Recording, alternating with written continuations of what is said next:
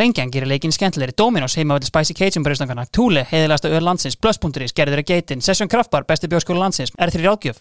Takk! Today's guest has seen it all. He came up through the youth ranks of both Manchester United and Liverpool and was a prominent figure in the Premier League at only 20 years of age. He spent time in the ranks of Bolton, Newcastle, and Reading in the Premier League, along with stints at other clubs, for example in Indonesia, but now plies his trade in a star studded team of entrepreneurs slash sex icon Walter Bjorn at Fram in Safamýri. He's one of very few players to have won promotion from both the English Championship and the Icelandic Lengjudeild. Ladies and gentlemen, standing at 5 foot 9, just a kid from Shrewsbury, Danny Guthrie.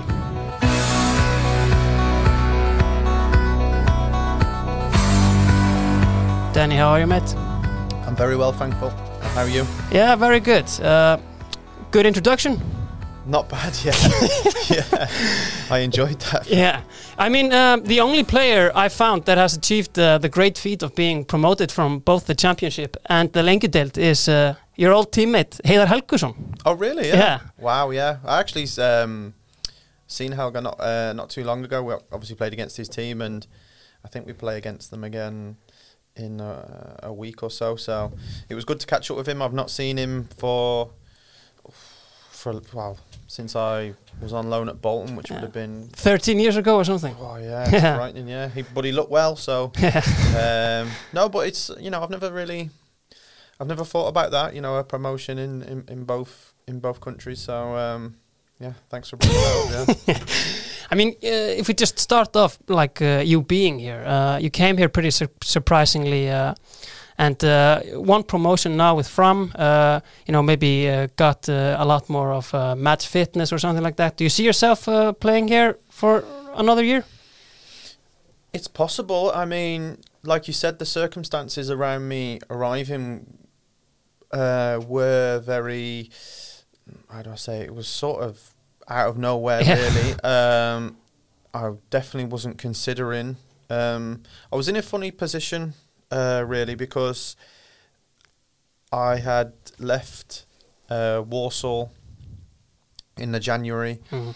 Um, I left uh, with an injury, um, and I was about to turn 34, and I was thinking, I'll wait till the summer for Mhm. the English window. That was obviously my um, my thinking, but I wasn't really actively seeking another club. Yeah. if, if that makes sense. I mean, I was half had my foot half in the door and half out, thinking. But I best start thinking about what I want to do after football. Yeah. I wasn't really excited to find another club in England. I was sort of more looking at right. Am I gonna do? Am I gonna do coaching? Am I gonna? Um, am I gonna coach at uh, academy level? Am I gonna be? You know, whatever it was. I, I, and then, you know, the the call came from um, an agent who I'd never worked with before, and uh, obviously made me aware of the possibility of Fram Mm. and I, you know, to be honest, I had no idea of you know the circumstance, the structure of the league. I thought it's a strange time to, you know, want to want to start uh, signing you know players from abroad. So obviously, I did a little bit of research, my own research, and thought, oh well, you know, Fram, Mhm. really good history. Yeah. Um, really famous club. Was looking at some of the old, uh, the old videos, the old players, and then it really, really changed when I spoke to you know the owners and the coaches, and sort of that changed my mind where I sort of was excited again to play football Yeah. and I was looking forward to it. And I thought, wow, really ambitious, new facilities possibly next season. The team is strong. Had a look at some of the players and thought, and I thought, wow, yeah, like I, I really am excited to go and do this. Um, but I was really apprehensive because I knew I was out of shape. Mhm. Not terribly, you know, overweight or anything. I just Mm. hadn't played competitively Exactly. for Yeah. for six months plus. We'd been in lockdowns in England. We couldn't get to gyms as easy as we wanted to, and training on your own and building your own fitness individually is never the same as competing in a in a football environment. So I was really worried about. Um, I'm, I was I- I was worried that I was leading the club down a garden path in terms of. I didn't lie to him. I didn't say, "Yeah, I'm ready to play." Yeah, I said, yeah. "Look, I, I'm interested, but I need a while to get fit. I need to train with the team. I need this and that." And they were like, "No, it's fine. It's fine. It's fine." So they were brilliant with me in terms of being patient and and and, and integrating me into the team and, and whatever. So yeah, I sort of it happened in days really. Once I'd said yeah, and you know, obviously logistically it was tough getting flights and traveling Mhm. and quarantining when I got here, and then yeah, just working on um, my fitness really and trying to get up to speed. I I really didn't know where the level at of the competition, the players, but I quickly realised that you know the training was was tough, Mhm. um, and I thought, wow, this is you know I'm going to have to you know train and apply myself properly here. I, I I can't come over here and give it 60 70 Yeah. percent uh, you know i need you know the, the the team was strong and the training was intense so it took a while for me to get to get up to speed Where does uh, the league uh, and you know the uh, the squad that you're training with uh, rank? You know, like uh, because we are always trying to figure out where we stand. I mean, Mhm. uh, today our our leagues are ranked like one of the lowest uh, in Europe. But Yeah. uh, but I mean, in terms of uh, like, how do you see it uh, as training here? I honestly, it's honestly difficult for me to to compare the standard of you know the league compared to others. I mean, because my team has been so strong this year, so Mhm. everyone we've Yeah. played against has been levels below us, and it's really been a case of you know if we if we do play well, we win, or Yeah. you know if we if we work hard, we've got more quality than everyone else, so it eventually we'll win the game. So it's difficult to sort of put a judgment on that, but in terms of um, training with the players, that so training ultimately and having training games with Fram is more difficult than the actual games that we play Yeah, yeah, because yeah. the competition within the squad's good. So I can only compare what I see in the training and the, and the players and I, I mean technically everyone's really good. I mean there's not you know you find that the levels of technicality and there's not much difference. I mean you know that some of the Fram players could could play in League 2 and League 1. I just worry I would worry physically Yeah, that's the only thing I would worry physically, and obviously, tactically is is something. The higher you go, you know, you get found out. So, from a technical point of view, I mean, you know, everyone's in the squad is more than capable of playing at a higher level. hmm You just you never know until you're put in an environment where you're tested, where physically, especially in England, physically, and more questions are asked. I yeah, mean, yeah. the game in Iceland, what I've seen is, you know, there's um, it's competitive, but you know, there's not that many changeovers of the ball. There's not that many long balls. It's r- more rare teams play direct here. Um, and then tactically, the higher you go, you know, when you play against good teams, the shape and your position is, you know, that's the next level of football. So, but I was really impressed. I mean, you know, training every day is a, you know, it's tough, and you, you know, I have to, you know, put the work in. Maybe some uh, Jon, uh, your coach. I mean, he kind of came like uh, out of nowhere. He's of course a Fram legend and uh, played many games in uh, the Icelandic league, but hadn't really coached uh, that much. And uh, he's been doing really well. How do you uh, see him uh, as a coach? He's been brilliant. Uh, individually for me, he's been really, really good. Um, he's been patient with me. He's been understanding, obviously, of my age, and obviously because he was a player and Mhm. played on, you know, into into a similar age as me. He knows what I'm going through, and some days, you know, I just have a word with him and say, you know, maybe today I, can I just do a jog, and he's like, no problem, I understand. So, from my point of view, it's been brilliant. He's been brilliant with the squad. He, he's created an environment where the dressing room's really good, the competitive is really good. Um, obviously, I don't want to say his job's been easy. The, the most difficult part of his job this year has probably been trying to keep everyone happy Yeah, because when you're winning games, you don't change the team that much, and that's what he's had. Um, so it's probably he's probably been having to manage players behind the scenes and keeping them on board and trying to make sure everyone stays patient and and then keeping them players um, interested in training, knowing they're probably not going to play. Yeah.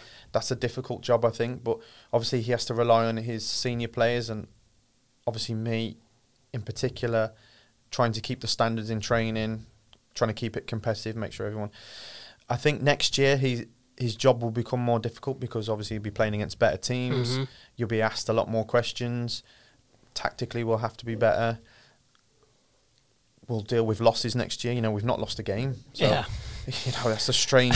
it's a strange dynamic. I mean, next year we might lose two, three games on the bounce, and then, you know, that's when the the, the coaches and, and and your senior players really get asked questions. So we'll see. Exactly. Uh, well, let's just go the, straightly to your team now. Um, I asked you for your dream team. Uh, have you thought of it before? Uh, was it the hard thing to do? I've not asked of. I've not been asked of an eleven. I think I've done a five-a-side and stuff Mm. like that. But uh, picking an eleven was was difficult, and I think I mentioned to you that I, I didn't want to include any Liverpool players. Yeah. Because obviously I did play for Liverpool a few times, and obviously trained with the first team for you know a couple of years. So it would have been unfair on everyone else that I played for because it would have been a Liverpool eleven. Yeah. Um, so I decided to do a non-Liverpool 11, which made things uh, more interesting. Yeah, definitely. What formation are we going for? I went for a 4-3-3 uh, with one sitting midfielder. Yeah, great. Uh, if we go to the uh, goalkeeper, he is brought to us by Thule, the oldest and most revered uh, beer in Iceland, only 2.25% uh, goalkeeper's brew. Danny, a lot of world class goalkeepers, but uh, which one have you gone for? I picked David Raya, Yeah, um, who's at Brentford now. Uh, he's in his first season in the Premier League. I played with him for two years at Blackburn. I played with a lot of good goalkeepers. I mean, when I first arrived at Newcastle, Shay Given was in Mhm. goal. Uh, we had Steve Harper there, and then obviously Tim Krul come through, and What kind of a guy is Steve Harper? You know, he's just like the official backup goalkeeper. Is he just a, a good guy to have in the dressing room, or Yeah, well, he's a really good goalkeeper as well. I Yeah. mean, yeah, brilliant guy. Um, brilliant in the dressing room. Brilliant connection between all the players. Um, seen it all at the club, so Exactly, anyone new coming yeah. in, um, and was probably really unlucky that Newcastle had Shay Given for that long because he was brilliant. what I what Um, I maybe think about this because you know they had Shay Given and he was his backup for all these years. Probably could have gone to another club and played, but he never went, and he just he just stayed there. Well, I think he just loved Newcastle as well. Yeah. I think he was a Newcastle fan and obviously from the area. Mm. Um, yeah, I, I, I suppose if you're a if you're a goalkeeper and you're at a big club, and I don't think it's such a bad job, you know. I mean, if you if you if you can handle not playing, Yeah, um, and you train every day and you, you travel with the team everywhere, and I suppose you get paid well, yeah. and you live in your area where you're from, I suppose it's a good job. Yeah. But David Raya, uh, I mean, uh, when you came here to uh, to Blackburn, uh, he is uh, the backup goalkeeper or, or something Ye- like that. He he was sort of in and out. Yeah. Uh, I think he was he was young. Mhm. He was a young goalkeeper at the time, and he was in and out. Um, but honestly, he was. He's not the biggest, so that was his issue. I think he's maybe six foot just, Yeah, I think which so. is yeah. small for a goalkeeper, but agile, could make unbelievable saves. But with the ball at his feet, which Yeah. is obviously a big part of modern day goalkeeping, he was brilliant. I mean, he could play in midfield. He was, you know, typical Spanish, technically really sound, but agile, quick. Um, and he'd come into the team, and because he was so comfortable with the ball, he would take risks being a young player. Yeah. And, uh, you know, the problem in England is the managers change so often. So Paul Lambert come in, and he took one look at David and saw that he was just barely six foot and went, no, too small for me. And he didn't play. Yeah. And then it takes someone else, another, we had Tony Mowbray come in who wanted to play out from the back. Yeah. And that's when David really come into his own. And I thought, wow, he, uh, and I'm not surprised that he's in the Premier League now and he's playing in a team like Brentford who who want to play out and play a you know that sort of style. But I think I honestly think Brentford is a stepping stone for David, and I could see him at a club like Arsenal and Yeah. and, and a team that wants to play out from the back. I really do.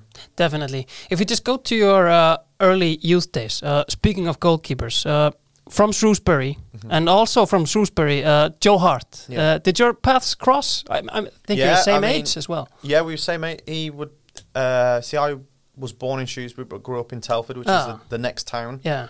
and we would um, our schools would play against each other Yeah. and uh, we'd play in the same county which was um, like the same area of, Mhm. of Shropshire and then um, we didn't really he stayed at Shrewsbury Yeah. um, like a local lad and I'd moved to Liverpool and we didn't cross paths at that point because Shrewsbury would play their game we would play our games and Yeah. then it wasn't until probably we got into the Premier League and he was at City and you know I was at uh, probably at Newcastle when I was playing against him so we weren't you know we weren't big buddies or anything No. but you know just a respect and um, yeah I'd seen him grow up through the school system and, and county system and he was always very good yeah because in Iceland uh, we have just like uh, if there's a if there's an uh, exciting prospect that's maybe 10 years old the whole country knows about him you know Yeah. was it like that you know because Joe later becomes a you know Premier League winner and uh, was he like uh, a, a revered uh, player in his younger days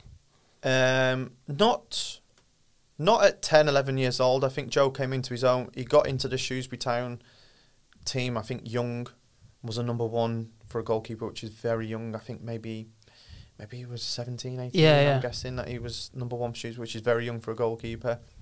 And then obviously got his his move to to Man City and, um, which I'm guessing at the time he wouldn't have gone as a number one. He probably had Shay Given in front of him and, and, and stuff like that. But yeah obviously he come into his own and became England's number one and turned out to be you know a top goalkeeper. exactly you know you mentioned uh, you're moving to Telford and uh, of course you start your, your maybe what you would call it apprenticeship or, or something like that at Manchester United uh, you know just what's the reason for you then switching to Liverpool uh, one year later No, I mean I so I was actually I was actually in Aston Villa's academy first. Okay. So uh, yeah, so when I was eight years old, that was I, I mean that's very young and uh, playing in the local area, and then Aston Villa, which is probably the biggest team in the Midlands where Yeah, I'm from yeah. at that point, uh, was in their academy, um, and then was playing against other Premier League teams, and then obviously played against Man United, and. Man United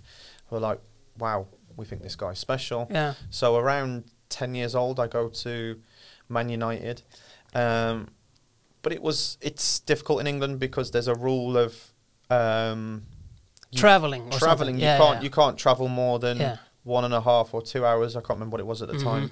So and traveling there was like maybe one hour 30, one hour forty with traffic. So it was just borderline. yeah So it was always a bit of an issue, a sticky issue, but they wanted me, and um, I was obviously there for I was probably there for about two or three years. hmm Um, and the problem was is at that point they would probably want me to move yeah. and school in Manchester, um, but Liverpool didn't, and Liverpool would offer me scholarship forms which would guarantee from 16 after I leave school I've you know I, I, I'm a I'm a footballer Mhm. essentially and would get paid and and take um, um, a full time position there where the Man United was no come and school here train with us and then when we're 16 we'll make a decision and yeah yeah I just think the added security from Liverpool um, was uh, was the reasoning, but you know, Man United were more than happy for me. You know, they understood that. So, yeah, um, which you know was was it was quite a controversial thing at the time yeah um, because I'd obviously played against Liverpool for Man United, and you know at that point the rivalry was really really bad. So it was it was it was a difficult transition for me going from the Man United change room to the Liverpool change room. I wasn't liked when I first went to Liverpool, and yeah as silly as that sounds for 12, 13 year old boys, Yeah. but it's really inbred in these Liverpool players and Man United players. So it was difficult, um, but it was a decision that was best for me. So Um, obviously, after time, that um, that goes away. But initially, it was difficult. Yeah. Definitely. So uh, moving up to the four-man defense brought to us by Domino's Pizza. Uh, I've had Domino's in many countries, but Iceland has by far the best pizzas, and they have the thing called uh, spicy Cajun breadsticks, which you absolutely have to try. So should we start maybe at uh, right back? Right back, I chose Danny Simpson. Mhm. Um, now I was in Danny. Me and Danny were in the same Man United team when Exactly, we were yeah. 10, 11 years old. Mm. So we've known each other a long time, and then was obviously playing against each other. Then he signed for Newcastle around the same time as me, just after. Um, great lad, uh, great team player, and I would say, without being disrespectful, Danny was really reliable at right back, never injured, never let you down. Um, obviously had good quality, come through a really good system at Man United, and obviously mo- went on from Newcastle, found himself in a, a Leicester team that went on to win the Premier League. So he's had a brilliant career, and I just think because his longevity and and just being reliable that I, I picked him. Probably closest one I would have picked to him right back wise would have been um, a player called Habib Beye who I was at Newcastle with. Mhm. Really good right back, but I just I only spent a season with him, so playing with Danny for more years than that, um, I've seen him over a longer period. As a United fan myself, um, I, re- I remember Danny's first game for United, and I thought this guy's maybe gonna be something. Then comes a few years of uh, he, he moves to Newcastle, plays in and out of the team, then moves to Leicester, and we uh, pretty much think that he's over. But then, I mean. Do you strike it as just right man at the right time, luck break for him, or, or a guy that really deserved uh, the thing at Leicester? Yeah, so I mean, I I suppose all of them Leicester players were probably in the right time, right place at the right time. Um, but you know they were brilliant that year, and um, Danny obviously uh, was good enough to to get a move to Leicester and obviously get promoted to the Premier League, and then within a couple of years, obviously they did something um, magical. But honestly, he was just I just you always never worried about him Mhm. uh, in your team. No matter the left back, he would be competitive. He would never have a bad game, never make major mistakes, Mhm. and would pass the ball to his own teammates, which is a great skill to have. So, um, no, he was he was the right back I chose. Uh, overall, my career, I, um, I couldn't think of anyone that was was better than Danny. Mhm. If we go maybe just a bit to your uh, uh, Liverpool days, um, the coach at the time that you come in there as a as a young kid is uh, Gerard Houllier. Did you? No, uh, well, yeah, but I, he was the he was the manager all the way through my academy, and then when I got to say, I think maybe sixteen, I think Benitez came Yeah. in, and then I moved to the first team at eighteen. To These guys him. were they very hands on with the academy? Uh, because we've heard stories of uh, Ferguson attending every single youth game at United. Were they like that? No, I think the problem the problem at Liverpool was that the academy and the first team training ground are in totally different locations. Oh, okay. Where at Man United, everyone trains at the same complex. So there was always a bit of a disconnect at Liverpool growing up, and then it made it. It was tough because, say for instance, Man United, they all train at the same complex. All the young players get to see the first team Yeah. players all the time, so they can get comfortable. Mhm. Now going from the academy at 16, never seeing or being around a first team player, and then they say, okay, we think you're good enough to go to Melwood, the first team training Yeah. base. Suddenly you're Maybe like moving to a new club or yeah, something. it's daunting because you know these superstars they've never seen you, you've never seen them, and your first day and you're sh- quiet, shy. yeah. It's really difficult transition. So that's probably the first time you see the first team coaches as well and, and meet the manager. So it's it's it was daunting, yeah.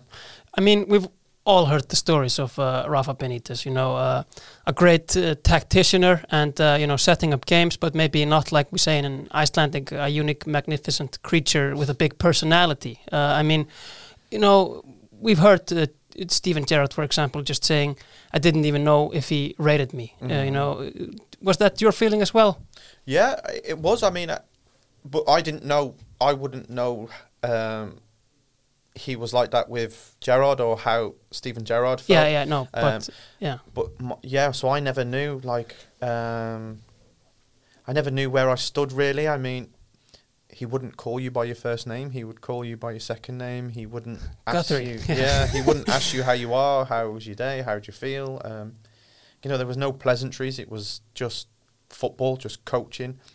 Um, Do you feel like that's like maybe uh, a big part of the like English footballing culture to be very, uh, you know, uh, I guess uh, because I've always had it ever Yeah. since.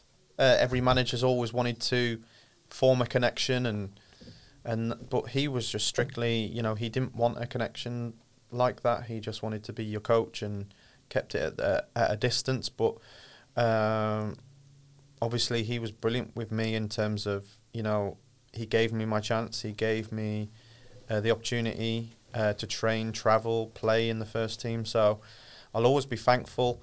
He was always honest um, in the office. Uh, he always told you where you stood. Um, uh, for instance, I'd uh, I'd played in the first team, done well. Uh, there was a bit of a buzz about me. Um, at that point, I was thinking, what happens next? Do I become a first team player officially and try and push for the 11 or I don't know and he just brought me in and said um, go on loan uh, Bolton want to take you on loan Bolton Mm. are in the Premier League you know go and play as many games as possible and at 19 20 to go and play in the Premier League on loan was was really rare so I, I, I was lucky to get that opportunity but obviously took it with both hands I think I played over 25 games Mhm. that year in the Premier League for Bolton did well, stayed up. Um, and then it was sort of again, I was like, you know, didn't know where what happens next. Am I now fighting for a place in Liverpool's team? Am I good enough? Don't know. Um, they were competing for Champions League. um, so, but he was great. I mean, he brought me in and said, um, right, you're, you, you know,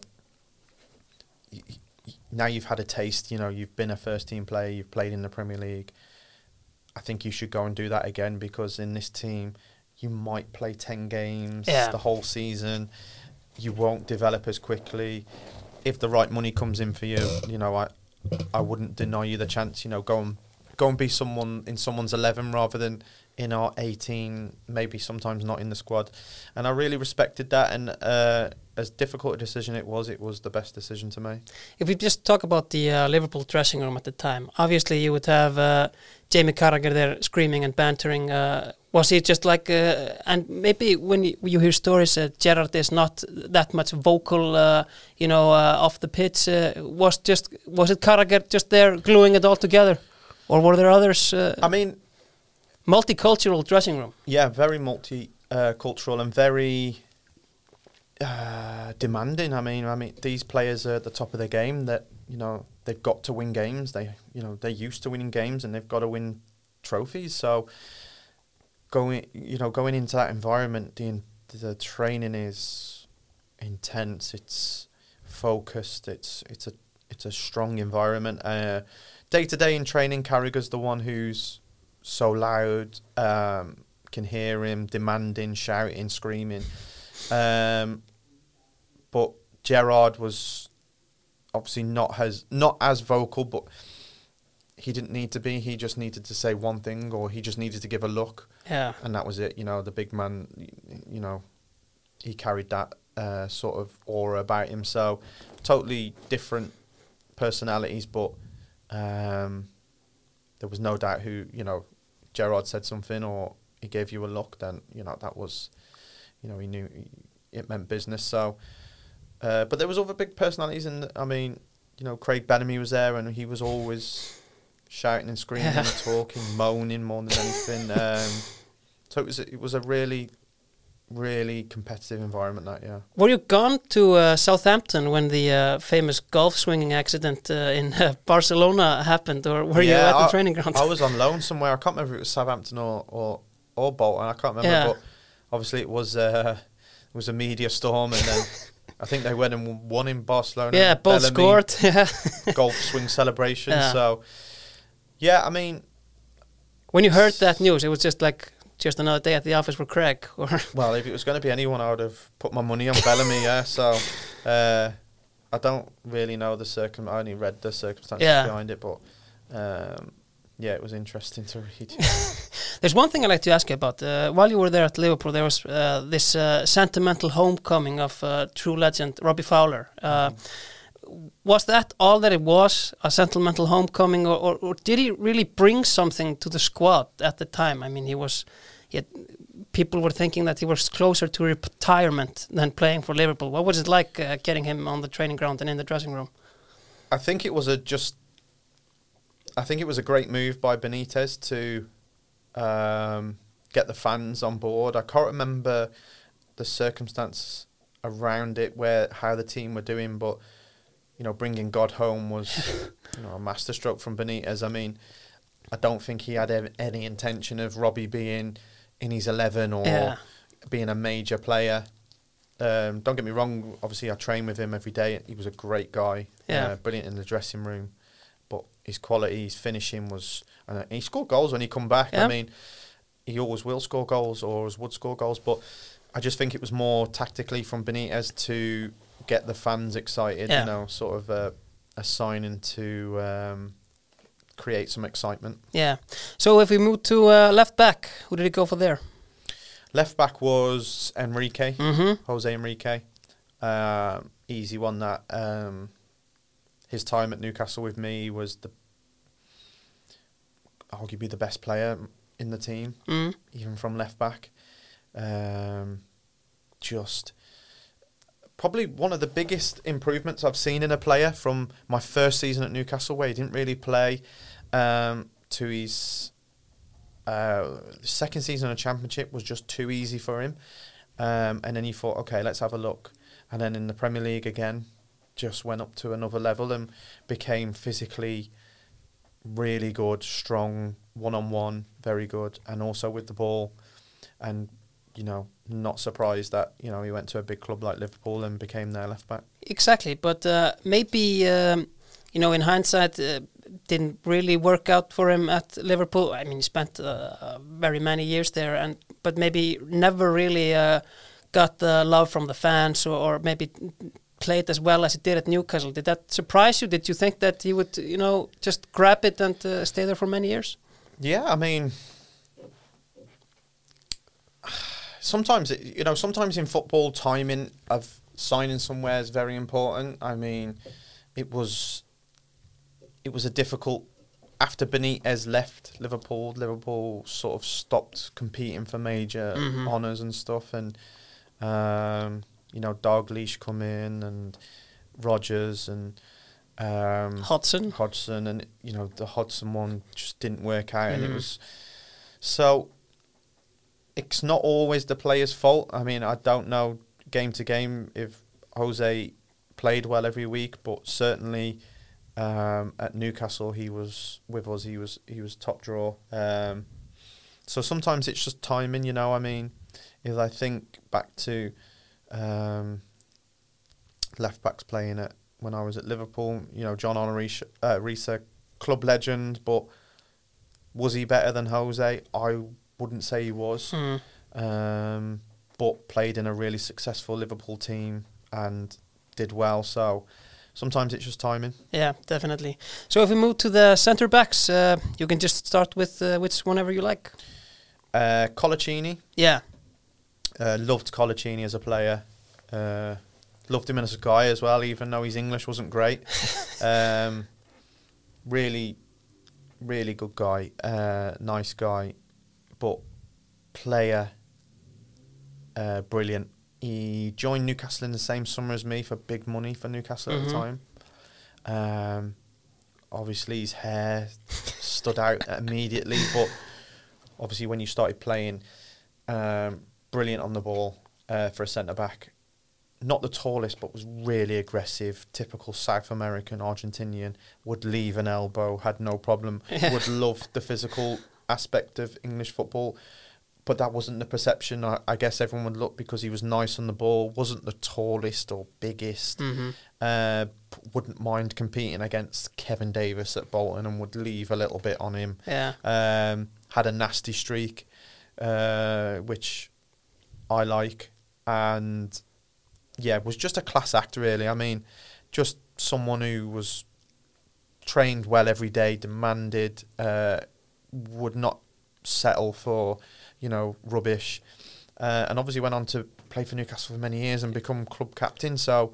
Uh, brilliant career, yeah. That's exactly what I'm maybe uh, wanted to talk to you about. I mean, as you say, maybe not the best English, but uh, comes to England, uh, embraces the game, and uh, you know, comes a club legend and club captain. Uh, is football like just a universal language? You know, because as you say, I mean, he's a club captain, not the best at English, but doesn't really matter, or what?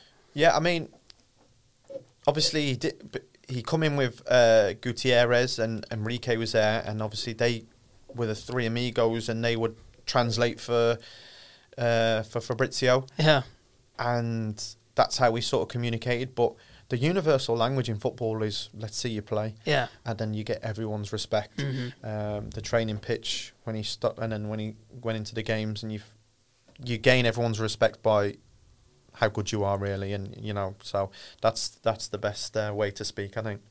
If we go to your maybe uh, first season at Newcastle, which would best probably be described as a mild train wreck, uh, but uh, I mean, you start out with uh, Kevin Keegan as a manager, uh, Mike Ashley, the ever popular owner, you know, just shambles for the whole season because it's probably one of the best squads to ever get relegated. Honestly, I mean, I'd gone from Liverpool to Newcastle, both big clubs in their own right, great fan bases. I'd only ever seen stability in a club. So Benitez would be there for four or five years, Yeah. maybe more. Houllier before that, even longer. So that's what I'm. That's that's what I think football is. That's my, Yeah. you know. And then Newcastle the first year, like you said, it was just a shambles. I mean, we had that many managers come in and chops and changing. The the owners, you know, there was protests outside games. The, the atmosphere in the stadium was toxic at times. Um, but had a really good squad on paper, superstars, Yeah. big money, hmm um, but just did not work. I mean. It's frightening to think when you go through the squad and you think, how did that team go down? How Yeah. was there not three worse teams in the Premier League that year than that team? Um, but you know, names on paper and uh, you know careers before Newcastle, they they matter for nothing. I mean, if you don't perform and it's not right on the pitch, especially in the Premier League, you will get beat by anybody. just pull the microphone a bit closer. But I mean, um, we just uh, touch on Mike Ashley. Uh, as I said, a controversial figure. Uh, is he very like um, close to the dressing room? Is he showing up there, or is he just in his office? Never, never really see him. No. Um, never. I never spoke to him personally Mm. um, in four years, um, which is not a problem. I mean, Yeah. can- I, that's the same at every club. Um, I just think the the owner fan relationship was broken very early. They didn't like the circumstances of how the club was taken over and how um, it was being run, the funds being put in, Or not being put in? put- uh, yeah, the debts. Yeah. Um, and then, you know, it really come to a head when Keegan walked away because of. It would be at that level. You f- we're thinking back now, and you think at that level and the money and stuff, and you've got a, a legend in Keegan, and you think, wow, you've you've you've appointed a club legend at Newcastle. That's a you know good move uh, because you know it gets the fans on board. But we the, the summer I arrived, obviously I was Keegan signing Gutierrez and Coloccini where, but we'd have players turn up that no one knew were coming. Yeah. So and they'd signed and Keegan would be like, "Who's this?" and it would be you know the owner and Dennis, Dennis Wise, Wise, yeah. and um, other player, uh, uh, other people in the boardroom had signed these these players behind sort of behind the manager's back, and they would turn up for training, and you know Keegan would be like, "What is going on?" and that's you know he walked away, and but he let the fans know why he walked away. So yeah. it was yeah, it just Yeah, difficult season that one. Yeah. Keegan as a manager. Um, the story is that he is just um maybe he's a he's a very good guy, but maybe tactically all over the place. Uh, really loved just putting five strikers in and and uh, do something. Was that your uh, feeling? Um, I didn't work with him long enough, to be No. honest with you, to see that. I mean, we started that season brilliant. Yeah. Um, we had a great pre-season. Um, Draw at Old Trafford, if I remember yeah, I think we started with a draw at Old Trafford, won our first home game, and then it just went tits up from there. um, but Keegan was sort of, you know, the the uh, he was the manager, and the coach was um, uh, Terry Mack. Yeah. Um, but you know, he created an atmosphere. You know, he wanted the feel good factor in the dressing room, and the training was fun. And you know, like you said, probably looking back, it wasn't as tactically thorough as I, I had after. But you know, we started the season brilliantly, and you know, we we had a really good squad anyway. So, uh, but he was brilliant. I mean, he was the one you know, who signed me from Liverpool, and that's you know leaving the club you've been with at ten years, and obviously he knew Liverpool and knew what it was type of a club it was, and he was brilliant with me, and um, had a really good pre-season. Started at Old Trafford, drew one off, and you know I was really excited about you know because it was you know it was difficult to leave Liverpool, but at, at that point I was you know getting over it. And I was a Newcastle player, and Keegan was brilliant, and he said to me, you know, after the first two games, he said, you know listen to me and, and, and you know and sort of do what I say and you know I'll get you in the England squad in the next two three years so I was really excited about the future but you know football changes overnight Keegan was gone no you know one day we trained went home hour later Sky Sports News Keegan leaves yeah it was just that's football Was there a lot of uh, vocal protest from the players, or are you just, you know, showing up to training? There's a new manager. Okay, I just do Yeah, my work yeah. and go home. I mean, you're paid by the club, and you know the owner brings in a new manager. Your job is to, you know, make that manager pick you. So you're not going to, you know, have any resentment about who comes in or, or or or when they come in. I mean, you know, everyone wants to play in that eleven. So, you know, there's a new boss. You do what he says, and and you move on. Definitely. So, who is the second uh, centre back? The second one is Charlie Mulgrew. Mm-hmm.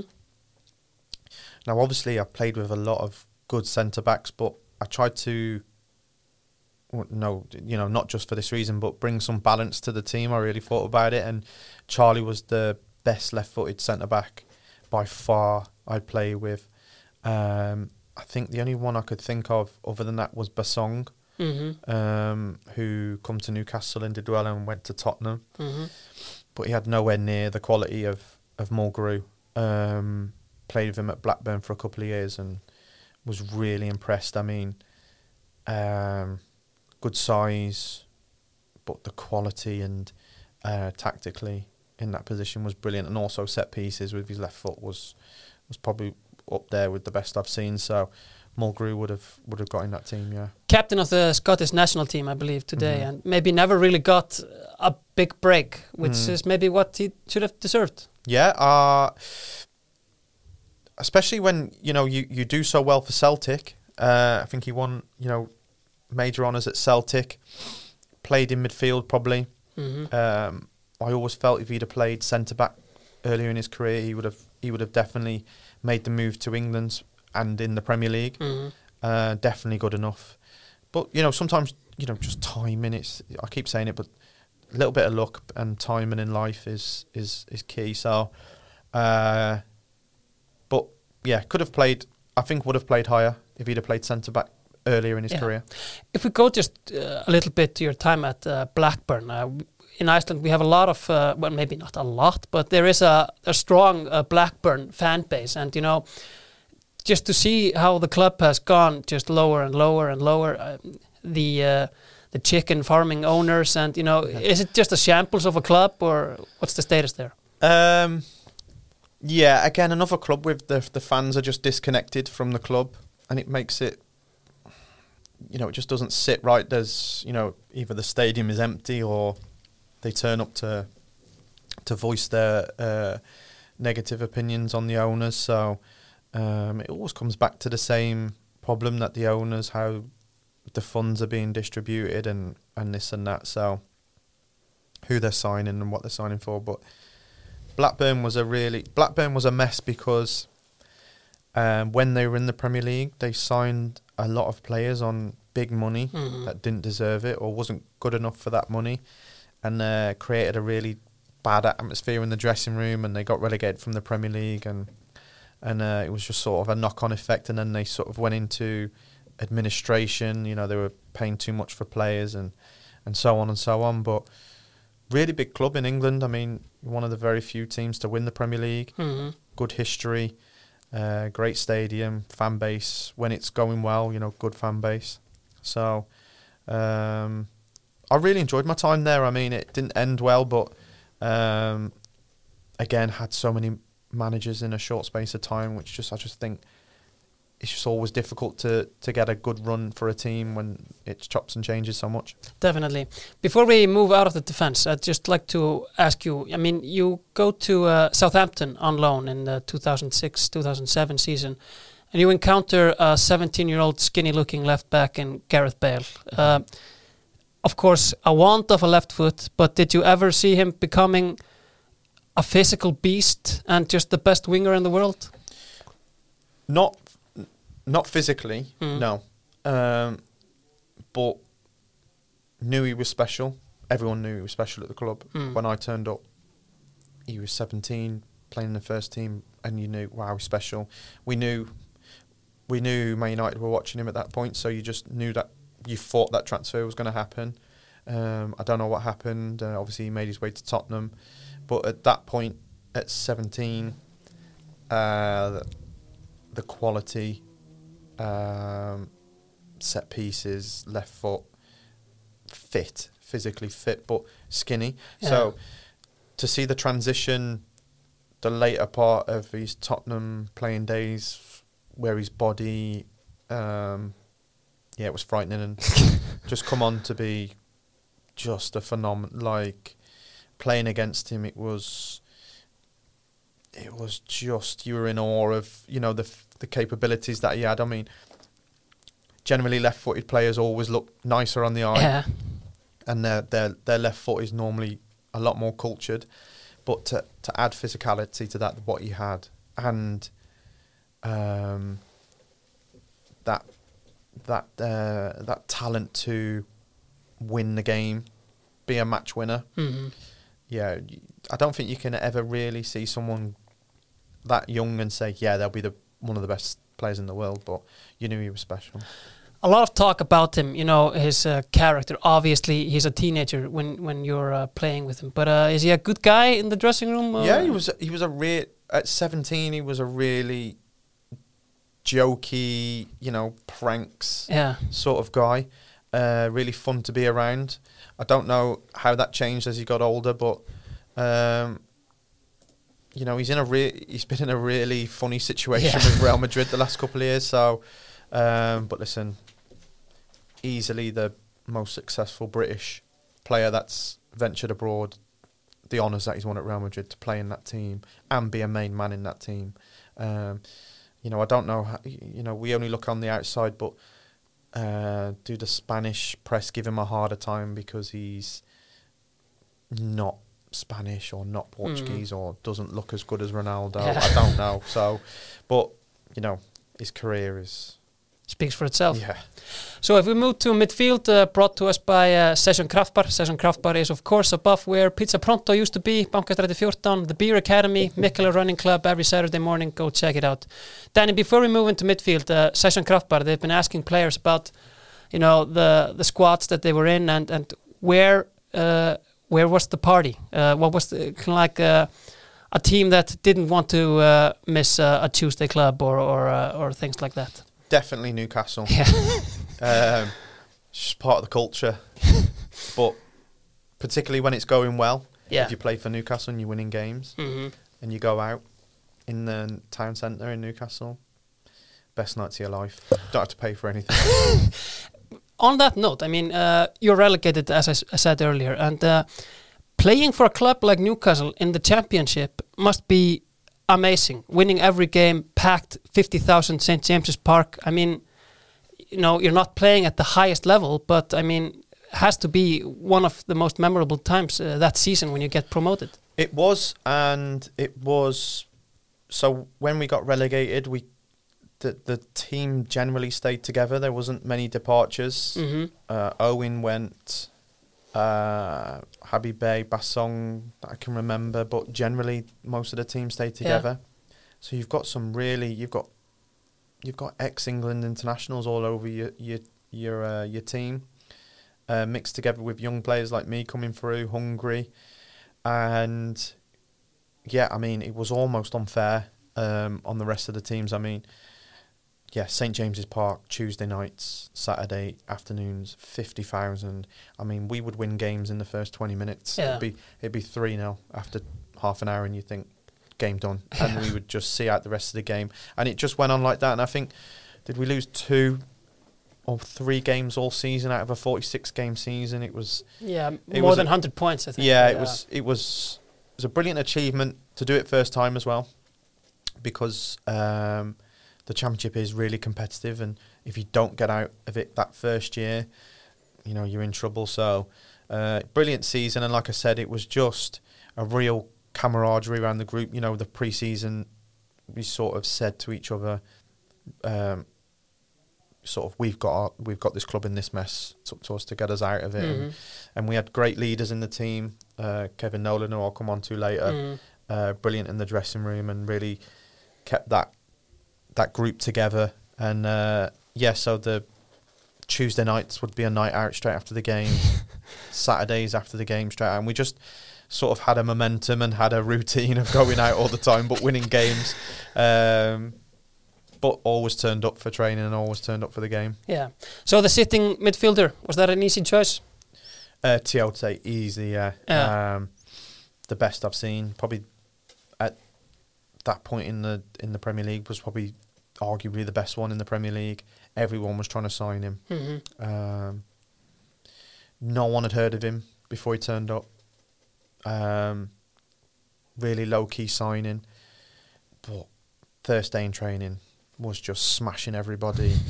um, not so cultured on the ball, but would know he knew that, and that's sometimes the best quality in a player. They know what they're good at. Yeah. Um, would just give it to the nearest player, uh, but energy, strength, work rate. He was an absolute beast, and um, it was difficult for anyone to get in the team uh, uh, over Cheick because he was just he was dominating midfields for Newcastle at that point, and you know Chelsea were trying so hard to sign him, but um, Newcastle had tied him down to a long term deal and wouldn't accept anything. Obviously, as you say, uh, a lot of rumors. You speak of Chelsea. Uh, he would have easily played in the big four. Easy. I mean, there's no. I can't think of any team that wouldn't have taken him. Mhm. Um, he was just so dominant in midfield, strength and aggression, win the ball back, could drive, run, um, and like you said, wouldn't give it away. Just give it to a player more technically uh, better than him in front of him. Um, yeah, real, real top player. Of course, uh, sadly, has passed away now. Um, a good guy.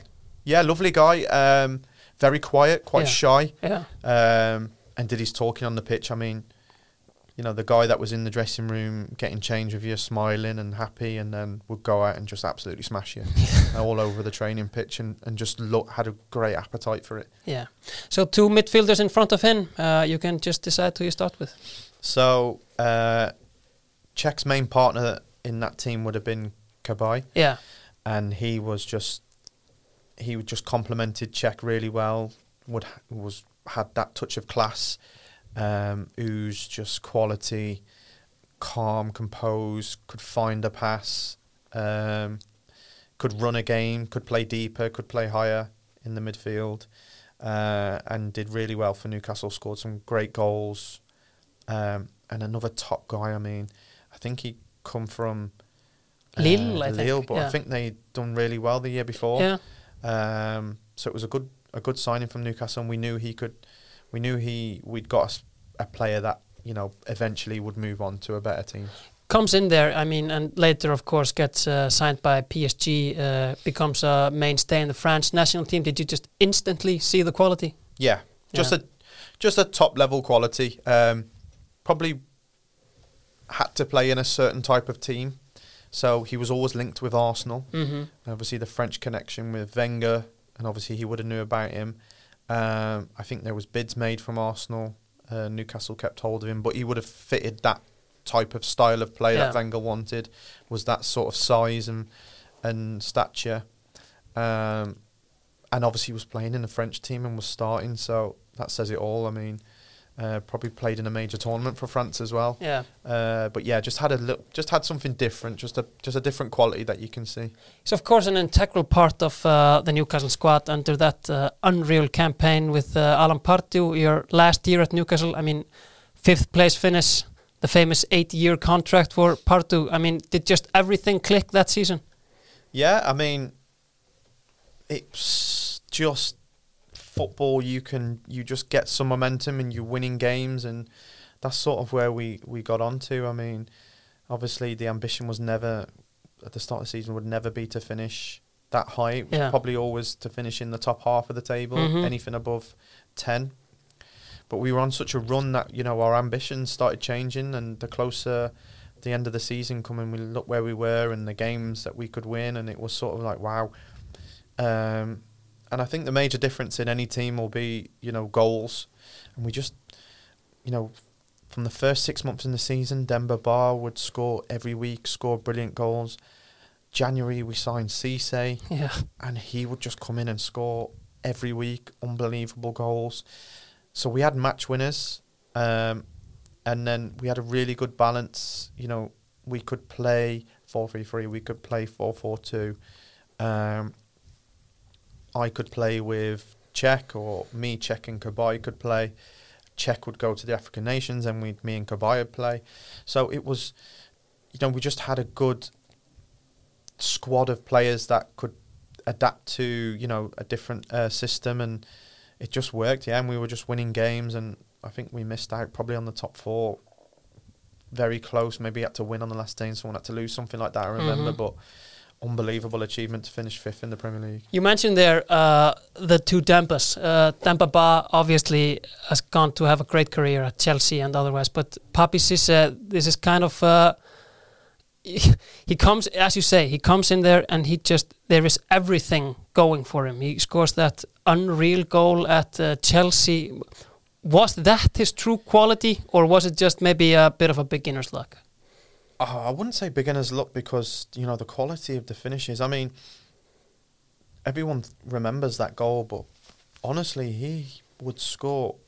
There's goals that you can't, you probably won't remember until you see him again. I mean, when he first came in, I think we signed him for around ten million pound, which was a lot of money for Newcastle, especially at that time.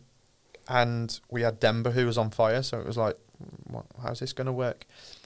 Um, and then he started in training, and it like you always just- obviously when someone comes in for that money, you like looking in training, and it wasn't like, oh wow, yeah, like sort of said, yeah, he's he's decent, like he's not Yeah. bad. And then his debut, he scored an unbelievable winner. I think it was against Aston Villa at home, and it was a like the goal was brilliant, so underrated, left foot volley, top corner. Like okay, wow, and then it just went every week, and Yeah. then even he scored two at Chelsea, but Yeah. both goals were brilliant. Yeah, Uh, no one remembers the other one, but it was brilliant as well. Um, so I don't know. I don't. I don't think he ever replicated that form again. hmm But well, if he did, he would have been playing for Real Madrid and Barcelona. But it was it was frightening, and it, that that season was just like that. We you know we a match a goal in the ma- uh, and the match winning goal would be a, a worldie and come off the pitch. Wow, we just you know what I mean. I think we were beating Man U and Liverpool. We were just just a really good season for us. Yeah. the coach Alan Pardew. Um, we from Iceland, uh, you know, uh, from his time at West Ham when they had Icelandic ownerships, uh, you know, there were a lot of uh, rumors on on his uh, personality, and you know, what was it like working with him? I loved it. Mm. I loved it. Um, again, arguably, he's the one I've enjoyed most Yeah. playing under. Um, not particularly because, you know, any reason for me. I just felt he was, he was brutally honest, which I think every player wants. Mm-hmm. Um, and even coming to my, after that season, so I was negotiating a new deal with Newcastle from the January onwards, and the longer it went, the more power I had because I was in the team. We were we were finishing. We ended up finishing fifth. Yeah. So the longer it went, you know, I'm sort of my value and Yeah. what I'm asking for is is is on the rise. So um, we had many conversations, and um, he obviously they were he wanted me to sign to an, a new long term deal, but the problem, but because he was so honest, it sort of made my mind up where we were going from. So we were playing four three three most of the time, where that would accommodate me, Cheick, and Cabaye Yeah. um, because he was putting Demba on the left side, Mhm. Cisse up front. But I don't think that was going to be the case next season. I think he was wanted to play more 4 4 1 1 possibly. Yeah. And then he just said to me, if I have to pick two, I will pick Cabaye and Tiote. And I, I, I was really, I really appreciated that because he could have said to me, you know, if you come in preseason, you could be in the two. And he was like, if them two are fit, they're playing. Yeah. You're my third choice. And uh, that sort of made my mind up because I was 25. Um, I still had ambitions to play for England. At that point, I was already talking to other teams, and they were offering me more money than Newcastle. So it was brilliant. I mean, he was, it he wasn't, you know, a, a master of tactics, or again, he was some, you know, or he had coaches come in, but he would pick the team. His meetings were brilliant, and and so on. Exactly. Uh, who finishes up in uh, midfield? So it would be Kevin Nolan, and he, he would be the captain of my team. Yeah. I played with Kev at Bolton, so a young player when I went there. He was the captain there, and he was brilliant with me. Would you know help me, um, give me lifts. Um, just a great guy in the dressing room, eh, loved by everyone. Organised, you know, meals, team nights out, but also on the pitch would always deliver. Worked hard. Very rare. Uh, had a very rare skill as a midfield player to score um, all types of goals Yeah. uh, tapping. Just had a real good knack. He had sort of had a striker's knack of Yeah. finding space in the box and could tap him in or could score good goals. Um, and just, I can describe, s- just a, a leader. Yeah, really good leader, uh, dependable. Um, and obviously he moved to Newcastle uh, with me as well. And obviously we we had a special season in the championship, and then. Um, you know, he moved on to, to West Ham and, and did good things there again. So he would be the captain of my team. A guy with maybe 70 goals or something in the Premier League. Uh, goals from midfield is it's it's a bit of a rare thing to have. You know, for example, for a guy like his stature and and and uh, do you think that? Uh, well, what I'm trying to say is, um, what did you think he lacked in terms of going to the maybe step higher? Because he's a he's a guy that's very established in just like just above the top six. But Yeah. uh, what did he lack to move a bit further? Yeah. Uh, I'd say, do you know, you know, as funny as this may sound, I think maybe just looking at Kev on the eye physically, Yeah. people might have just f- put them off. Yeah. And that's how fickle football can be. I mean, he didn't look physically like a supreme athlete. Exactly. and but his numbers speak for themselves. I mean, there's not many midfielders outside of the, you know, the the legends like Lampard and Gerrard and Scholes and that who would score more goals than Kev. So it might have been something as silly, maybe that, you know, on the eye didn't look like a top level footballer, Yeah. but produced. So uh, had a great career none nonetheless. But Mhm. compared to them guys, that's the only thing I can think. Yeah. You speak of his leadership and, and you know the the king of the dressing room. I'd like to ask you maybe about his relationship with Andy Carroll. Uh, there was all kinds of stories floating around. Uh, you know, do you think he really helped him? You know, at that time, things like um, moving into his house and, and stuff. Was that true? Yeah, that I mean, definitely. I mean, Kevin's intentions would have been pure. I mean, at that point, Andy was turning himself into like a a household name. Yeah. It, and but the problem with uh, Newcastle is it is a really small city and it's football, football, football. So when a local lad is doing well, like Andy was, you know, he's can Local quickly hero, become yeah. a hero. So I think he had some issues outside of football at the time. Andy uh, was getting himself into trouble, and I think Kev just sort of put his arm around him and said, "Right, move in with me. I'll keep you on the straight and narrow." And you know, Andy was scoring goals in the Premier League. Yeah. Um, and it was inevitable that someone was going to come in for him. And again, the timing was just perfect where Liverpool was selling Torres, Andy was English, Mhm. scoring goals, and they thought, yeah, let's do it. Did you see it uh, as like a, a good match, or maybe uh, he's gonna struggle a bit? Uh, I didn't, I didn't understand it. I didn't. I Yeah. didn't understand it. I think I didn't know where Liverpool were going with it. I think they panicked. Yeah. I think they were panicking. It was the last day of the window, maybe. Mhm. Torres had made his intentions clear. Liverpool got 50 million for Torres. Newcastle knew they had that money. Uh, and it was a strange day because obviously transfer day in England, it's a, a whole song and dance on the TV and there's like a whole channel for it. Uh, and we were training that day. And we were having lunch and uh, we're watching the TV and all of a sudden, um, you know, transfer bid for Andy Carroll, Liverpool have come in, say, started at 20 million. Andy would get called into the office, manager would say, you know, there's been a bid, blah, blah, blah. So he Andy come back in and said Newcastle rejected it, so no no conversation. And then, you know, every hour it sort of went up five million, so net it was 25 million, then he'd go back in the office. And I think at 35 million, the club had said, right, that's good money. Yeah. You know, for Andy, uh, you know, at that time, big, big money. But Andy really didn't want to go. He Mhm. wanted to stay at Newcastle, and he asked Newcastle to give him a new contract to stay, but Newcastle didn't want to turn the money down.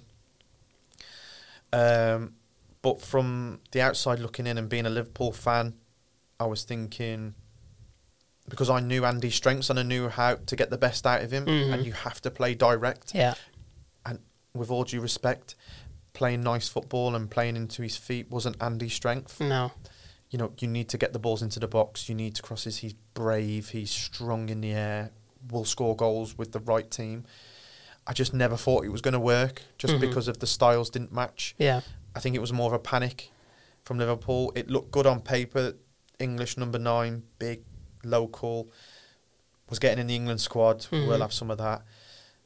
People forget on the same day they signed Luis Suarez, Suarez, for yeah. 18 million, and that's a Liverpool player, and Yeah. obviously for obvious reasons. So, yeah, it wasn't one that I ever thought would be, you know, really successful. Yeah. You spoke about your time uh, with uh, Kevin Nolan at Bolton. It's a pretty interesting season. You were brought in by, uh, as we call him in Iceland, Sammy Little Lee. Uh, but he's soon sacked, and uh, Megson takes over. You guys lose and lose, but somehow pull a great escape in the end. Yeah, um, yeah. Again, it was one of them seasons where, again, I'd I'd moved to Bolton. It was a new environment, and then that was the first time I'd seen carnage at fo- in football clubs.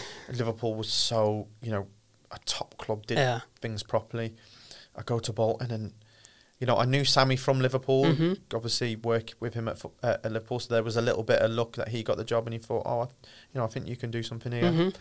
and um, it just didn't work out for Sammy. I mean, he was trying to change Bolton the style. They had a style under Sam Allardyce that was really successful. Yeah, he had just recently left. Yeah. but Sammy's beliefs in football and ideas were different to, to Sam's, and he wanted to change that, and it just didn't work. He was, I think, he tried to change too quickly, hmm and then Bolton went for more of a Sam sort of style with getting Megson in. But when I when I look back, I'm really I'm really proud of my time at Bolton because I was looked. I would have been. The reason I would have come in with Sammy was to try and change that idea. I wanted to play football, Yeah. and I was more of a footballer. Bringing Megson in was not suited to my style, but I won him over. You know, I trained really hard, and then when I got my chance, I did well, and I ended ended up staying in his team. And thinking back, I think for a young lad at 19, 20 to do that and convince, because he would have looked at me, young player from Liverpool, weak, wants to play football. Nah, that's not football. Because he wanted to play direct, and, a, and Yeah. a, so I adapted my game and, and learnt new things and proved him wrong, I guess. So I'm really proud of that. And uh, it was a great season. I mean, we played in UEFA Cup. I Yep. mean, you know, I was playing at Bayern, Bayern Munich. two yeah. two draw up by Yeah. Munich away, Atletico Madrid Mhm. with Aguero, Forlan, you know, unbelievable year and grew up massively, and obviously that was the start really for me. Do you think that maybe because it's it's funny looking at the season? I mean, you are uh, you're losing every game in the Premier League, but then you are, as you say, you are drawing at Allianz Arena. You are Mhm. winning Atletico Madrid. Did that, you know, UEFA Cup uh, give you a lot in terms of finishing strong? Yeah, I guess it was like I, fe- I probably felt the the players probably felt we're never playing Europe again. Yeah, So it was like it was an unbelievable opportunity, and them nights, you know, like you said, we could lose to flipping Fulham at home and then go and draw in Bayern Munich, and it was like. So the only thing I can think of is the players really grabbed that opportunity to play in Europe, and like you said, it worked out in the end. I think we stayed up comfortably um, with a few games to spare. Uh, it was brilliant. I remember, I remember that feeling of um, the day we won. Uh, we won at home. It maybe Sunderland. Yeah, I've got a feeling yeah, I Sunderland. think so. Yeah, And um, it was a great day because that officially kept us up, and then we could relax for the next couple of games because it was a really eye opener for me, a tough season, and what it meant to, you know, players' careers and lo- you know, a, a team getting relegated from the the Premier League. I mean, everyone's contracts check. You know, their their wages get Yeah. deducted, but me, I was a lone player, so I was moving on to better things anyway. Mhm. So I've seen what it meant and how serious football can be for other people. exactly. Maybe just before we move uh, to the front three, uh, a couple of other midfielders. Um, when you come into the Newcastle side, uh, Nicky Butt Mm. is there. Uh, I mean, me as a young United fan, there were not many diehard Butters around, but uh, you'd think more of him as a part of a great squad, one of many puzzles that just fitted. But uh, how did you rate playing with him at Newcastle? I loved it. I, I loved him as a person, and he was we we became good friends Mhm. while his time was was at Newcastle. Funny, funny guy. And if I'd have played with Nicky longer and seen him younger, he would have definitely been in my team. Yeah, Hundred percent. Um, just I only played with him for a year. Uh, he was thirty five maybe, Yeah. so at the back end, and but sometimes he would play in some games, and you just see like the experience, the quality, and there was just he just had moments where he would do something you think, wow, yeah, like Man United, like can see why, and um, again another another person in the dressing room who had that respect instantly, Yeah. said something, everyone listened because you just knew he'd been there and done it. did he talk a lot in the dressing room? No, not a massive talker, Mhm. but when he did, if it needed to be said, it was like the dressing room stopped and and listened. And but he was also a really funny guy as well, great banter. So uh, had a really good mix. Talking about great banter, uh, the first player in the Dominos trio, um, Joey Barton, Mhm. um, an absolute nutter, or what? Nah, not really. um, had the had, had the capability to be, but it wasn't it wasn't as often as Yeah. people might think. hmm Um, Do you think he's an underrated footballer, or just uh, no, I think he I, I think he gets the respect he deserves. Yeah. He was a good player. hmm Um, I think he played at his level. Yeah, where you know I don't think he, he would play at a, a higher level Mhm. in terms of you know challenging for honours. yeah, Uh, good player, uh, reliable. Would you know would put a shift in whether it was losing four 0 or you winning four 0 It didn't matter to Joey. Like he would you know work the same. hmm Um, yeah, big personality, big voice in the dressing room, and just had the odd moment of like crazy. So Yeah. it wasn't as often as people think, but you know when it happened, it was like it was bad. so uh, again, really enjoyed Joey's company. Really intelligent. Um, yeah, and uh, yeah, I'd love to see him do well in uh, in management. I, I I think he will. I just think, you know, again, it's just finding the right club, and it's I'd say management's a lot more difficult than being a player. yeah, definitely. In the middle of the park in the Premier League, uh, are there any names for you that stand out as like the hardest uh, opponent that you played against? I mean, the obvious ones, um, Gerrard. I can't think of a, a player I've seen more complete than Gerrard. Obviously, I Mhm. think there's there's obviously been better players um, who, you know, are, are say for, for instance Hazard. Um, in terms of ticking boxes of what you want from a footballer, there's no one I've seen Take more.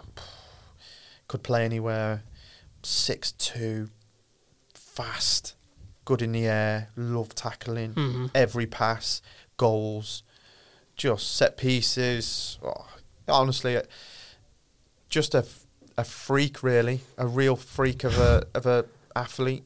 So big and strong and fast, but technically lovely and leader, big moments, um, courage. So, just obviously idolised him growing up, and Yeah. then training with him, top fella, Mhm. humble, um, and then competing against him was on his day was impossible. He was a phenomenal. I mean, if he was running and just powerful, it was it was it's just tough to stop. Yeah. Definitely.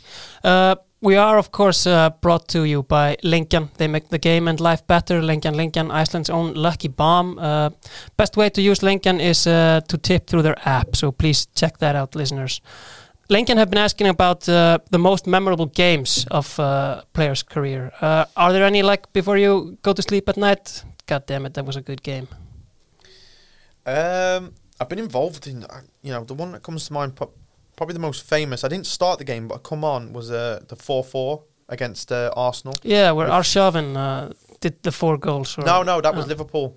Ah, yeah, So yeah. we were yeah, the 4-0 Newcastle four four. Yeah, yeah, Yeah. yeah, yeah. And Tiote scored in the last seconds, an unbelievable volley. Um, I'm trying to think. I, do you know what? I always remember in that season when we finished fifth. I always remember a moment in the season where um, we were playing against Liverpool, so it was always a big game for me. Mhm. It was a big game anyway, but it was we were we were just on fire. It was a sunny day. The stadium was packed, and we went two 0 up. And um, I remember the I think Pepe Reina he gets sent off um, late in the game, so th- there's a delay in the game, and honestly the the whole stadium was just bouncing and the noise and the celebrations and it was like a lovely day. And the game had stopped and it was one of the moments and you I just was looking around thinking wow what a day this is. And we were on a, a brilliant run and we didn't know where we were going to go with it but it was just a moment where I thought this is does it get can it get better than this you know what I mean Exactly. So the front three brought to us by Plus.is. Where there is passion, there is Plus. Uh, Dalvegur 32B in Kópavogur. They have everything. Gerður and her colleagues working miracles. Maybe just start on the wings. yeah so I'll start on uh, left wing Mm-hmm. Um, that was an easy choice. It would be uh, Gutierrez. Mm-hmm. I played with him for a number of years. Um, when I first went to Newcastle, probably Duff was a really Yeah. good winger, uh, but only played with him for a year. So Gutierrez, I play, brilliant, brilliant player. I mean, I've never seen someone work as hard or have the physical capabilities as him. I mean, he could run 12, 13, 14k a game and then would train the next day. It's just a, a freak in terms of um, how much he could run and how robust he was. Uh, hardly ever injured. I can't remember him being injured. And then could dribble um, and produce just magic, but just had a just had a personality of being loved by everyone. The fans absolutely loved him. He had the hair, he had the mask when he scored, the Spider Man. Um, big personality, always laughing, joking, loud. Uh, loved by everyone in the dressing room. Mhm. There's no one that would dislike him. Um, but on the field, really good quality, and like I said, would work so hard for the team and for a winger as well. Who many probably would say in football, probably the most least reliable players to to work hard. Yeah. Um, but honestly, uh, brilliant, brilliant player. Yeah, So who's on the uh, right wing? easy. Ben Arfa, Yeah. uh, the most talented player by far I've ever seen. Mhm. Um, and again, a player that should have played for any club in the world, and Yeah. probably could have if they'd have just had a just had a way about him of being really laid back, relaxed. Didn't train very well. didn't train hard at all. Wouldn't break sweat. But never seen. I've never seen a player as talented or played with and trained with a player that could do what he could do. He had everything. Um, and even I think when we played, I think you always know when you play against the top teams like say Liverpool and Man United, I think they would be worried Yeah. about Ben Arfa. Mhm. He would be the one that they would think like he can damage us today, um, and he could he could go anywhere and and, and produce um, at any level. So I think he probably underachieved from what he had, but I think it would be only because of um, a mentality. Do you think that um, maybe, uh, as you say, laid back, relaxed, but the the media puts him out like a, a hard guy in the dressing room? You know, a hard guy to have in the dressing room. That is. Uh, even was that uh, the case? I think he had a reputation for that. Yeah. Uh, probably that come from France. So Mhm. I think he had issues in France where he went on strike uh, and stuff like that. Uh, refused to play. So I think everyone knew what they were getting themselves into when they signed him. But on a day to day, just wasn't a problem. Mhm. Um, but from some coaches' point of view, they couldn't stand the way he trained. I mean, literally wouldn't tie his laces and wouldn't sweat, uh, wouldn't run. Um, but that was, and th- there was no one that could t- tell him that that's not what you do. Like Yeah. he had that was what, and if he wanted to do it, that's how he did it. Yeah. But on a match day, he didn't need to train hard in the week to produce what he could on a on a match day. Mhm. But the problem you have is when you have that mentality and, you, and that's how you train, when you don't perform on a match day, then all the questions come. You don't train well enough. Yeah, don't. yeah. And that was his problem as well. He didn't like the fact that if he played well on a Saturday, no one spoke about how he trained. But when he didn't play well on a Saturday, the manager would say, "Oh, but, you know, you're not training," and he- he would say, "Well, you didn't moan last week Yeah. when I won the game and I didn't train that, so you can't, you know, don't use it now." And he wouldn't be afraid to voice that opinion either. But honestly, from a talent point of view, was very very special. Do you see a lot of players like that through your career? Maybe uh, unreal ability that just maybe find it hard to fit in a dressing room, or or, or maybe uh, get connections with managers. I, I've not seen I've not seen it from a point of view of from Hatem's uh, style of in terms of like he didn't train because he didn't train hard, um, and that was just how he did things. Mhm. I've seen other players who are brilliant Monday to Friday Yeah, in training and small sided games, but when you come to an 11 ele- v 11 on a match day with the fans, they find it difficult to perform there. I've seen, you know, and it, you see that a lot in football. I mean, do you think it's a mental uh, issue? Definitely. Yeah. Um, some players, it's just difficult to perform in high pressure situations with the fans. I mean, Newcastle really demanding fan base. I mean, if it's nil nil after 30 minutes at home to Wigan, you know, and the ball goes to the other, you give the ball away, they're letting you know. I mean, you're getting boos, and, and then all of a sudden it's like, oh God, like that. So I've definitely seen a lot of players good Monday to Friday. Yeah. Yeah. So uh, uh, on that note, I have a player that uh, Ausia Dominos Trio uh, wanted to have as the second player. Um, you played at Bolton with El Hadji Diouf. Mhm. Um, hard guy in the dressing room, or what was his? Maybe uh, you know, obviously bought for big money to Liverpool. Uh, Mhm. that definitely did not work out. Uh, Mm. But I mean, there were definitely glimpses at Bolton. Oh, no, he was a he- special player. He had, he, he had uh, a lot of quality. Um, not enough quality for Liverpool, No. uh, but definitely in the Premier League was Yeah. a quality player. Yeah, Mhm. at uh, like the mid-range uh, level. Um, difficult in the dressing room, big personality. Um, had to have the right manager. I guess Sam Allardyce is a manager that could handle Mm. or probably enjoyed handling players like that. But then if other managers think not worth my time for Mhm. what you bring, uh, you're not going to be worth it. But yeah, de- good quality. Um, had had issues off the pitch. Was you know even was flash. So I guess some managers wouldn't like the clothes he wore or Yeah. the cars he drove. It's just a it's funny world. But um, while I was at Bolton, he played really well that year. Mhm. Um, and was one of the reasons why we stayed up. Yeah. Yeah, did a famously uh, a leap of honor uh, before anyone knew that he was going away. But yeah, so before we go to the last player on your dream team, I'd like to point just out some strikers that uh, didn't make the team. If we start maybe on Obafemi Martins at Newcastle. Uh, obviously, a lot of buzz about him as a as a teenager in Inter Milan. Uh, scored some unreal goals, and uh, you know. A rocket of a Mm. foot. I mean, how did you rate training and playing with him? Yeah, good, good player. Um, powerful, quick. Uh, left, you know, his left foot and his right foot were equally as Yeah. powerful. I mean, he could. If he took a shot with either foot, you wouldn't know what foot he was. Mm. Um, but I obviously didn't play with him very long. I think he left after the first season, Yeah. and um, he was in and out of the team. But obviously, he had a great background at Inter Milan, and uh, you know, I was really intrigued to see what he was like. But he was, I think he's. The thing that stood out about him was how powerful and sharp he was, Mhm. and you know that was his that was his standout um, quality. I think he scored on the open. He might have scored. Uh, yeah, I think he scored the uh, the goal at Old Trafford on Mhm. the first game of the season. Mhm. Um, so yeah, uh, but uh, nowhere near as good as the one I picked. Yeah.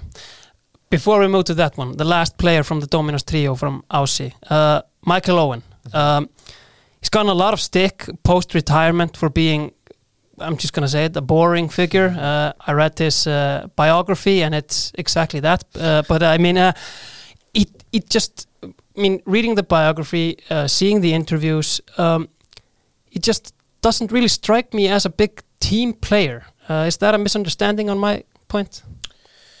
No, I mean, um, if I'm being honest, and it's probably harsh on on on Michael that he was probably the biggest disappointment I've seen Mm-hmm. in a player. But that was because my expectations were so high. Exactly. Because when he was younger, he was a phenomenon, and when I got to Newcastle, he was sort of not the player he was, or not the Mhm. player you remember growing up, uh, and was sort of. I think he was such a superstar, and you know, such a you know, he won the Ballon d'Or like when he was younger. hmm He was such a superstar that he was sort of always standoffish Yeah. you know, I just think when they get to that level of fame, it's difficult for people to like interact and that. But he was brilliant, like in the dressing room, in terms of Mhm. like he was funny, witty, um, but wouldn't wouldn't generally socialize Yeah. like or make like massive efforts to be like you know what I mean. But that, that's you know that's not just Michael. That's many many players. Yeah. Like and probably I'm the same to some players now, but he was on the pitch probably unfairly to him was the one like who I would think back. I couldn't wait to see him and couldn't wait to play with him. Yeah. Uh, but he it was just a it was a difficult season and it's probably been unfair, but uh, that was the one. And uh, but obviously, if I'd have played with Michael when he was you know at Liverpool the first time Yeah. and, and went to Real Madrid, like he wa- probably would have made the the eleven easily. You know, winning a Ballon d'Or and going to Real Madrid. He was a you know a, a brilliant player. Lastly, uh, Kevin Davies, uh, a guy that's the most fouled, uh, the guy that fouls the most, uh, just uh, a beast to compete with. You know, a good striker to play with. Yeah, brilliant. Uh, was brilliant at Bolton. Um, and again, if you play to his strengths and played in that uh, in that style, I would say if you asked any centre back, Terry, Carragher, I think they wouldn't enjoy playing against Kev, uh, and he would be a difficult afternoon for anyone. So that's the best compliment he'll probably could get. Made it into the England uh, squad. Mm-hmm. Um, yeah, and just he's he's a Bolton legend, I guess. I mean, um, Even not scoring that many goals, um, a few maybe if you would, uh, but Yeah. I mean, still the same. A striker just Yeah, always just- putting in a goddamn shift. shift um, and just made it difficult for, for back fours and centre backs and allowed the rest of the Bolton team to, to get up the pitch and and uh, and play well and just caused havoc in boxes. Uh, and a good guy as well in the dressing Yeah. room. Yeah, really good guy. Definitely. So up to the last player, uh, centre forward. Yeah, the centre forward, the best one I played with, um, and probably non-Liverpool player, the best player I played with was um, Anelka, Yeah. um, and probably misjudged as well as a person. Really nice guy, really good guy. Gets a lot of or had a lot of negative hmm uh, press.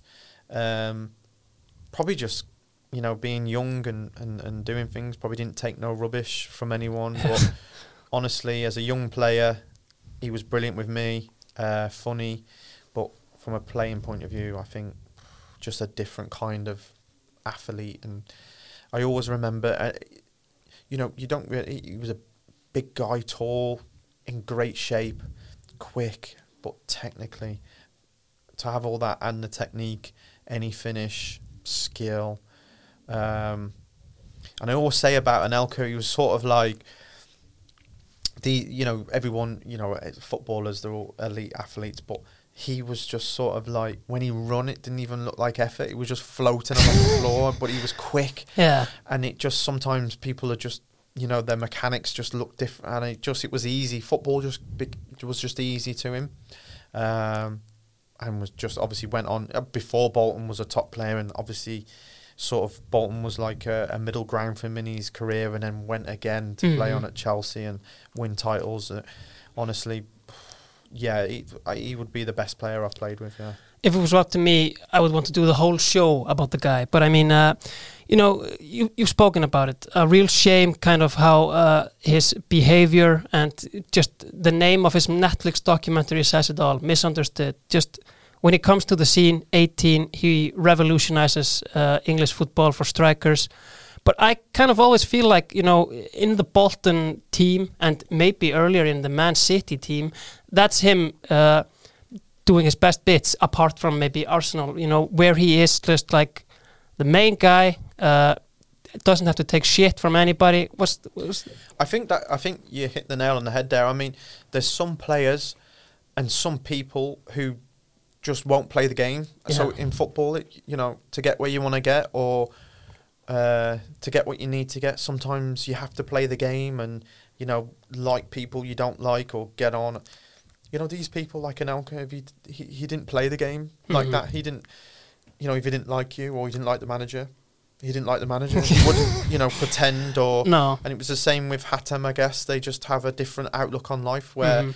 you know, they're not willing to hide their real feelings. And it looks like Anelka, especially at Real Madrid, you know, he did that. And whether that's right or wrong, who knows? I guess it's a personal perception kind of thing. But um, at, at, I guess at Bolton, he was, you know, he was the king. Um, and no one created any problems. The managers didn't, you know, Nicholas, you go and do what you need Yeah. to do. Do you know what I mean? If you need to do this or you need to do that, there was no restrictions on him and he could just do what he had to do. I guess at Chelsea, where you go to Chelsea and everyone's a superstar and Yeah. everyone has to fall in line, Mhm. and maybe that environment doesn't suit him. I don't know, but he just was, you know, there's just people who just won't play the game. They just won't fall in line and do something they don't want to do or be asked to do something they don't want to do. They'll, you know, and they're stubborn. You know, Yeah. you know, if someone, you got to think. I don't think there's many people in the world who would go on strike not to play for Real Madrid because he's not happy. With, you Yeah, know, 20 years old. you, you know, there's no way. I, you know. so, but these people, you know, you have to, you know, congratulate them on, you know, their morals and principles. They won't fold them for anyone Mhm. or, or anything. So, uh, but. Um, But a great guy in the Bolton dressing room. w- good as gold. Honestly, there was no problems. He was interacted, funny. Uh, just no hype about him. He wouldn't, you know, this prima donna sort of rubbish about, you know, wouldn't work hard or would moan. Not a chance. Mhm. Um, but did he underachieve? Possibly. Yeah. Even that's strange to say. Even though you know, Had all his career, but All his definitely, career. yeah. did he underachieve? Probably, yeah. I mean, I've heard, I've heard and read stories about, you know, Thierry Henry and David Trezeguet. Who's about? Anelka. Yeah. Who's the best player you've ever seen? Anelka. hmm He was just a different kind of. It was just. It's hard to describe. You know, watching him, he just his body, his movements, he just flowed on the pitch and the grass. It was. You know, I've not seen anything like it. Yeah. So we have the team then. If we go through it, uh, in goal, David Raya. Back four, Jose Enrique, Fabricio Coloccini, Charlie Mulgrew, and Danny Simpson. Three-man midfield, Cheick Tiote, Kevin Nolan, and Yohan Cabaye. Front three, Jonas Gutierrez, Hatem Ben Arfa, and Nicolas Anelka. Definitely frightening.